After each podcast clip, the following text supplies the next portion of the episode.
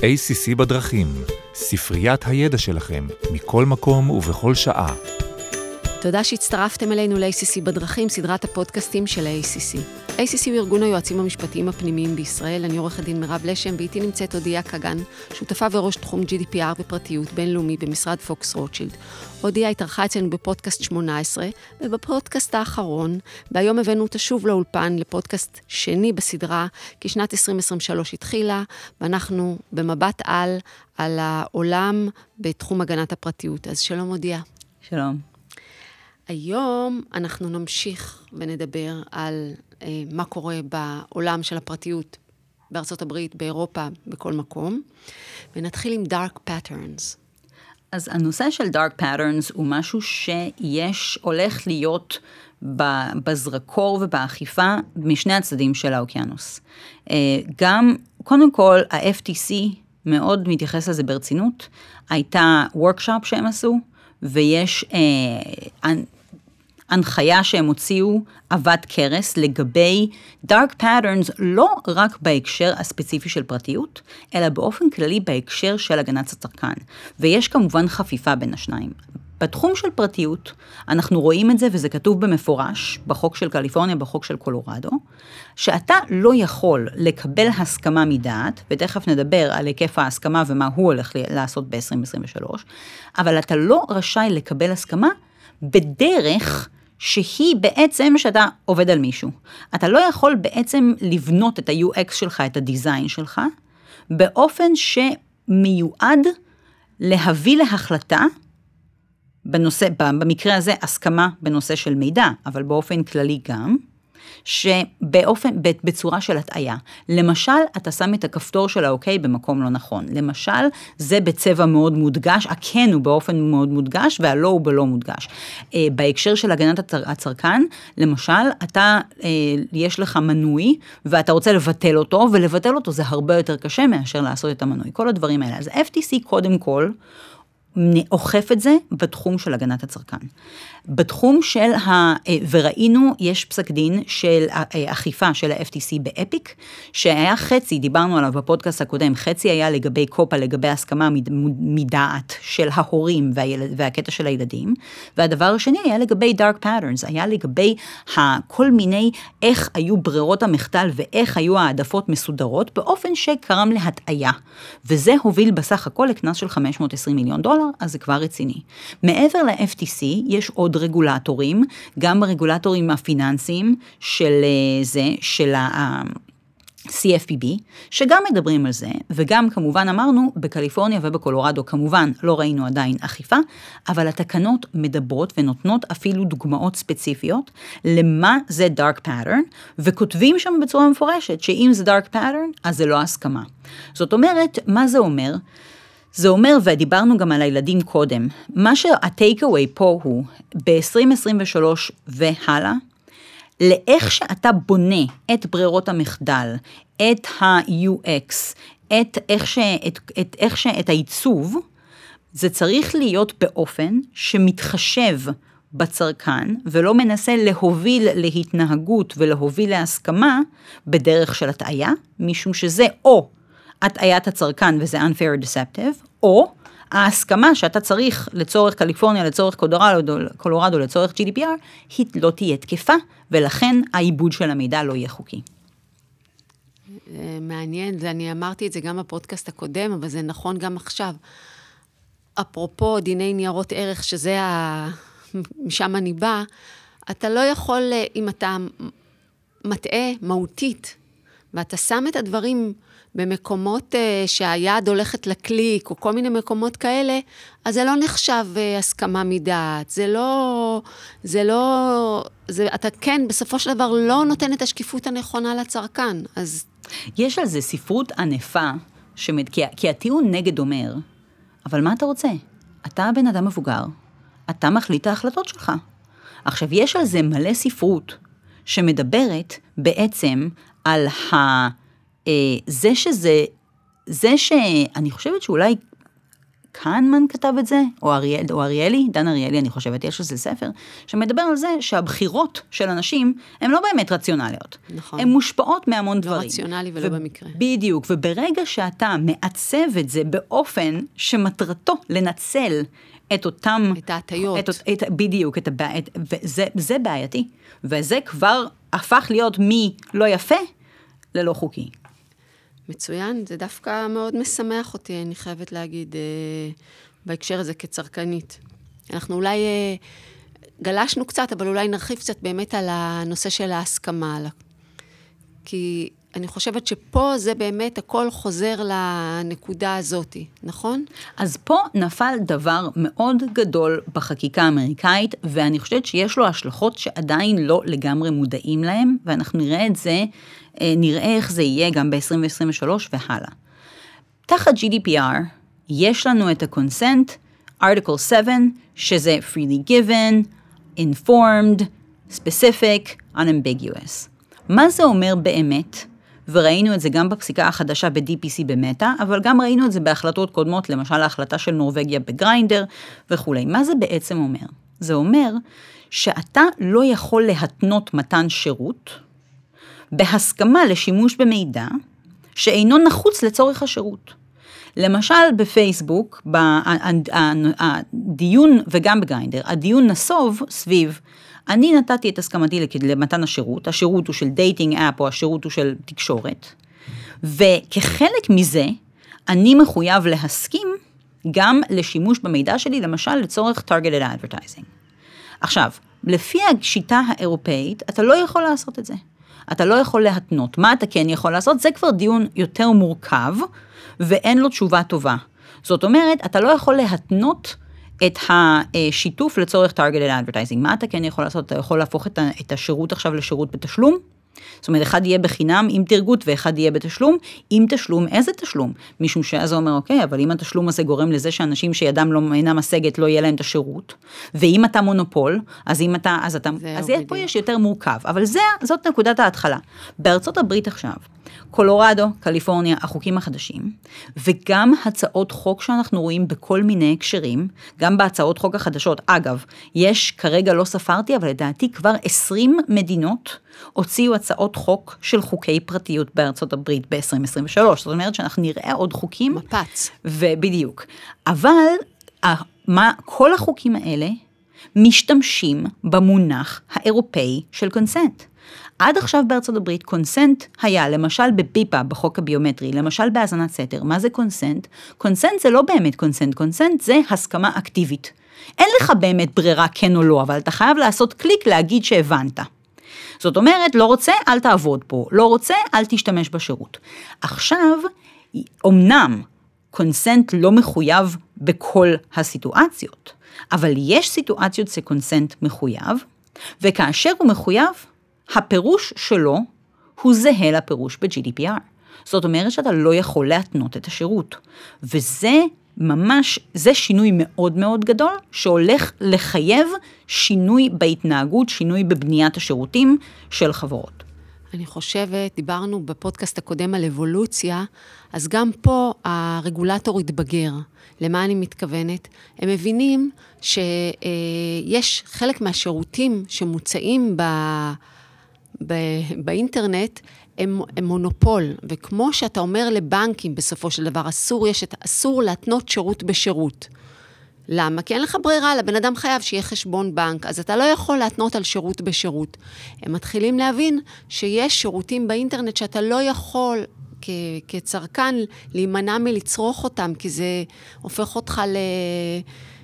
אתה, לא יכול להימנע מזה, ולכן אתה לא יכול, אותה חקיקה שהייתה בחקיקה הבנקאית, היא בעצם עושה shifting גם הנה, ואומרת, אתה לא יכול ל- אה, להתנות שירות בשירות. אז פה זה אפילו הולך יותר רחוק. זאת אומרת, גם אם אתה לא מונופול, אסור לך להתנות שירות כן. בשירות בסיטואציה מסוימת.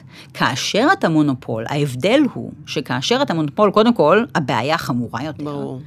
וב' מה הולך להיות הפתרון? משום שכאשר אתה לא מונופול, אוקיי, אתה מציע אלטרנטיבה, האלטרנטיבה זה פחות, פחות קריטי, אבל כשאתה כן, אתה, אתה צריך לצרכן באמת צריכה להיות אלטרנטיבה, ולכן זה באמת הולך להיות מעניין הדבר הזה. כי באירופה יש עם זה הרבה אה, חברות מתקשות ליישם את זה, וצריכות למצוא דרכים יצירתיות להתקדם. ככה זה כל הזמן. הן מוצאים, מוצאות דרכים יצירתיות, ואז המחוקק אה, סותם את הפרצות. זה... אה, אולי באמת, אם דיברנו אירופה ואירלנד וקליפורניה, אז מה אנחנו עושים עם כל החקיקה חוצת גבולות הזאתי?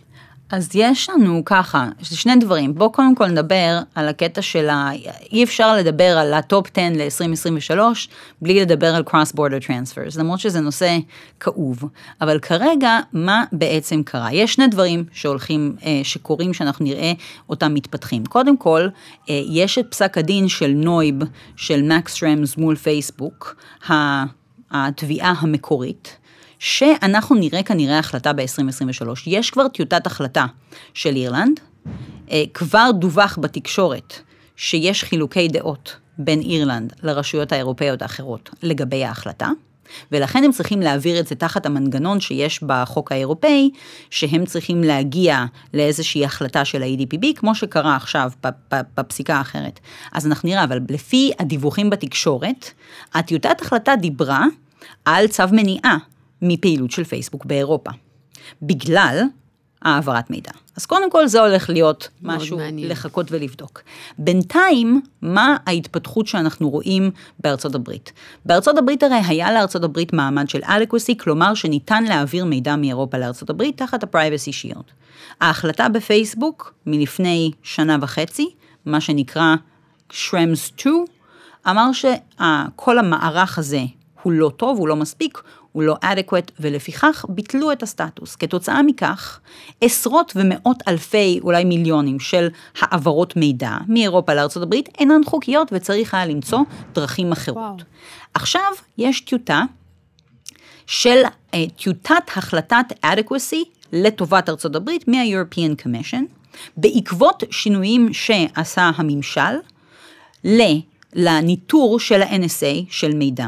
הם שמו כל מיני מגבלות, הם הקימו את ה-Data, Data Protection Rights Court, עשו כל מיני שינויים, ויש עכשיו, יש אה, טיוטת החלטה שאומרת שארצות הברית כן תהיה adequate, ופה שני דברים. א', מה צפוי? מה שצפוי זה כנראה תתקבל טיוטת ההחלטה, לא ברור האם היא תהיה, אה, תאשר את המסמכים שארצות הברית הגישה כפי שהם, או שיהיו נקודות לשיפור. זה א'. ב', נויב ומקס שרמס כבר הודיעו מראש שהם הולכים לתבוע נגד ההחלטה הזאת, משום שהיא לא פתרה את הבעיות שההחלטה מלפני שנה וחצי כבר העלתה. מה חברות באמת יכולות לעשות בנושא הזה? כי הניטור של ה-NSA והפסיקה באירופה, אין מה לעשות עם זה. מה שכדאי לעשות זה להסתכל על ה... EU-US Data Privacy Framework Principles. זה מסמך של העקרונות שאתה צריך לעשות לו Self-Certify כדי לקבל את האישור הזה כאשר תתקבל ההחלטה. מדוע? ממי מישהו... אתה מקבל את האישור? מה-Department of Commerce. אתה צריך להראות שאתה עומד בתנאים האלה ואתה עובר סרטיפיקציה ב-Department of Commerce. למה זה רעיון טוב להסתכל על זה? משום שההחלטה כן תעבור, לא. ובכל מקרה, ואז ככל שזה יהיה, יהיה איזשהו חלון, לא ברור כמה, בתקווה שהוא ימשיך, אבל כן תהיה אישור, ואז תוכל באמת ליהנות מהסטטוס הזה. והעקרונות האלה, כשמסתכלים עליהם, יש עדיין הרבה עבודה לעשות, גם אגב על חברות שכבר עשו סרטיפיקציה לפי privacy shield, אבל במיוחד לאלה שלא, משום שכמו שדיברנו, העקרונות לא השתנו מלפני ארבע שנים, אבל כן. איך שהם באים לידי ביטוי כן השתנה, מדוע? בדיוק מה שדיברנו ב- ב- בסעיפים 1 עד 8, 1 עד 7. Uh, uh, privacy disclosures, מסתכלים עליהם אחרת. Data minimization, מסתכלים עליו אחרת. Customer expectation, מסתכלים עליו אחרת. אה, ולכן צריך להסתכל מחדש על מה שאתה עושה, ולראות איך ה-FTC, אתה כבר יודע שהוא מסתכל על זה, ולהתאים להתאים. את כל המדיניות שלך לצורך זה. ואז אתה יכול בעצם אה, להכין את עצמך, שתהיה לך סרטיפיקציה מתאימה, וכשתעבור החקיקה, אתה מקבל כמו אמנת מס כזאת, זה כמו אמנת נכון. מס בין מדינות, יהיה לך את ה... אישור. גם פה בארץ נלחצו האמת ומנסים להעביר את התקנות. נכון, כי בישראל יש החלטה של adequacy, אבל היא עומדת עכשיו בפני אה, בפני בדיקה מחדש. כן. לצורך לראות האם ישראל עומדת, כי ישראל הייתה adequate לצורך ה-Data Protection Directive, ועכשיו ההחלטה היא האם היא גם equivalent ל-GDPR. כן, נכון. אה, אז אולי אה, כמה מילים על DPIA? אז DPIA זה גם כן נושא שהולך להיות נושא מאוד חם. DPIA, Data Protection Impact Assessment, היא בעצם הערכת סיכונים, אבל כאשר הסיכון אינו הסיכון לחברה. כשעושים בדרך כלל הערכות סיכונים זה אנחנו מוציאים פרויקט, מה הסיכון לנו, לחברה. פה הערכת הסיכונים היא מה הסיכונים ממה שאנחנו רוצים לעשות לזכות לפרטיות של האנשים שאת המידע שלנו אנחנו, ש, שלו אנחנו מטפלים. עכשיו, ב-GDPR יש כבר חובה על הדבר הזה.